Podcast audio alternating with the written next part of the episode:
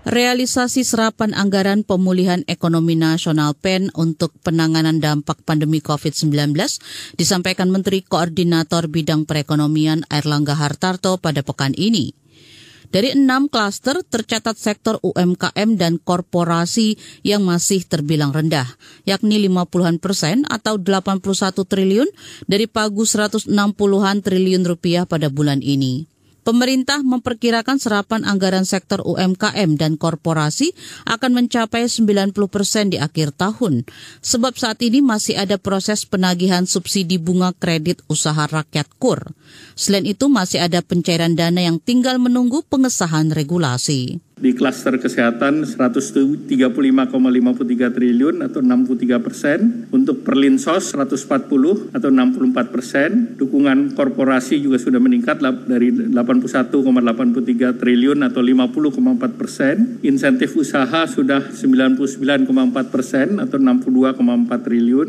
Pada Oktober tahun ini realisasi dana UMKM dan korporasi sekitar 63 triliun atau 39 persen dari pagu 160-an triliun rupiah. Sedangkan di bulan yang sama pada tahun lalu, serapannya 74 persen atau 91 triliun dari pagu anggaran 123 triliun rupiah. Di bulan itu, pemerintah belum menyalurkan pembiayaan korporasi meski sudah dianggarkan 53 triliun rupiah.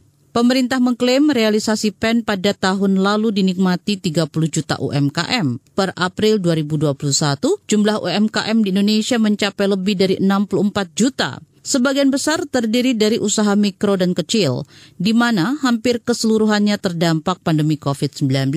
Akibatnya mereka kesulitan melunasi pinjaman, bahkan menggaji karyawan. PEN diberikan sejak tahun lalu hingga tahun ini agar mereka bisa kembali pulih akibat terpukul pandemi. Namun Asosiasi Usaha Mikro Kecil dan Menengah UMKM mengeluhkan sulitnya mendapatkan bantuan yang bersumber dari PEN. Mereka menilai hal itu juga yang menyebabkan serapan anggaran PEN masih rendah. Keluhan ini disampaikan Ketua Umum Asosiasi Industri Usaha Mikro, Kecil dan Menengah Indonesia, Aku Mandiri, Hermawati Setiorini kriteria itu yang harusnya lebih disederhanakan. Memang peran dari pemerintah daerah itu yang harus mengajukan data karena kan lembaga pengusulnya ditentukan. Asosiasi UMKM mendesak pemerintah mengevaluasi penyaluran stimulus bagi UMKM.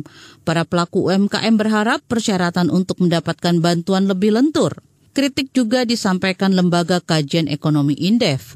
Menurut Direktur Eksekutif Indef Tauhid Ahmad, sejumlah program di klaster UMKM tingkat kemanfaatannya rendah.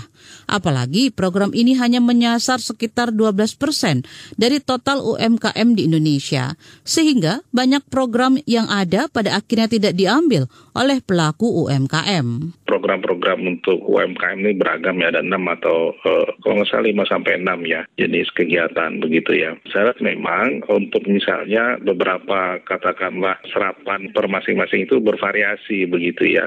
Mungkin yang paling cepat adalah BPUM, tapi misalnya penjaminan kredit kur, dan sebagainya itu kan tergantung respon daripada sasaran begitu. Mereka mau ngambil program itu enggak walaupun plafon yang disediakan pemerintah sudah ada begitu. Perkiraan saya juga nggak agak susah ini terserap sesuai dengan skenario karena tergantung kesiapan dari masing-masing UMKM. Tauhid Ahmad menilai dengan sisa waktu yang ada, sulit untuk bisa menyerap semua anggaran yang telah disediakan. Salah satu faktornya ialah rendahnya sosialisasi semisal soal PPH final UMKM. Menurutnya, belum banyak yang tahu soal ini. Ia pun ragu sektor ini akan bisa berkontribusi besar bagi perekonomian nasional, sebab sasarannya baru 12 persen dari total UMKM. Indef mendesak segera ada perbaikan terhadap penyaluran PEN. Demikian laporan khas KBR. Saya Fitri Anggreni. Kamu baru saja mendengarkan news wrap up dari KBR Prime. Dengarkan terus kbrprime.id, podcast for curious mind.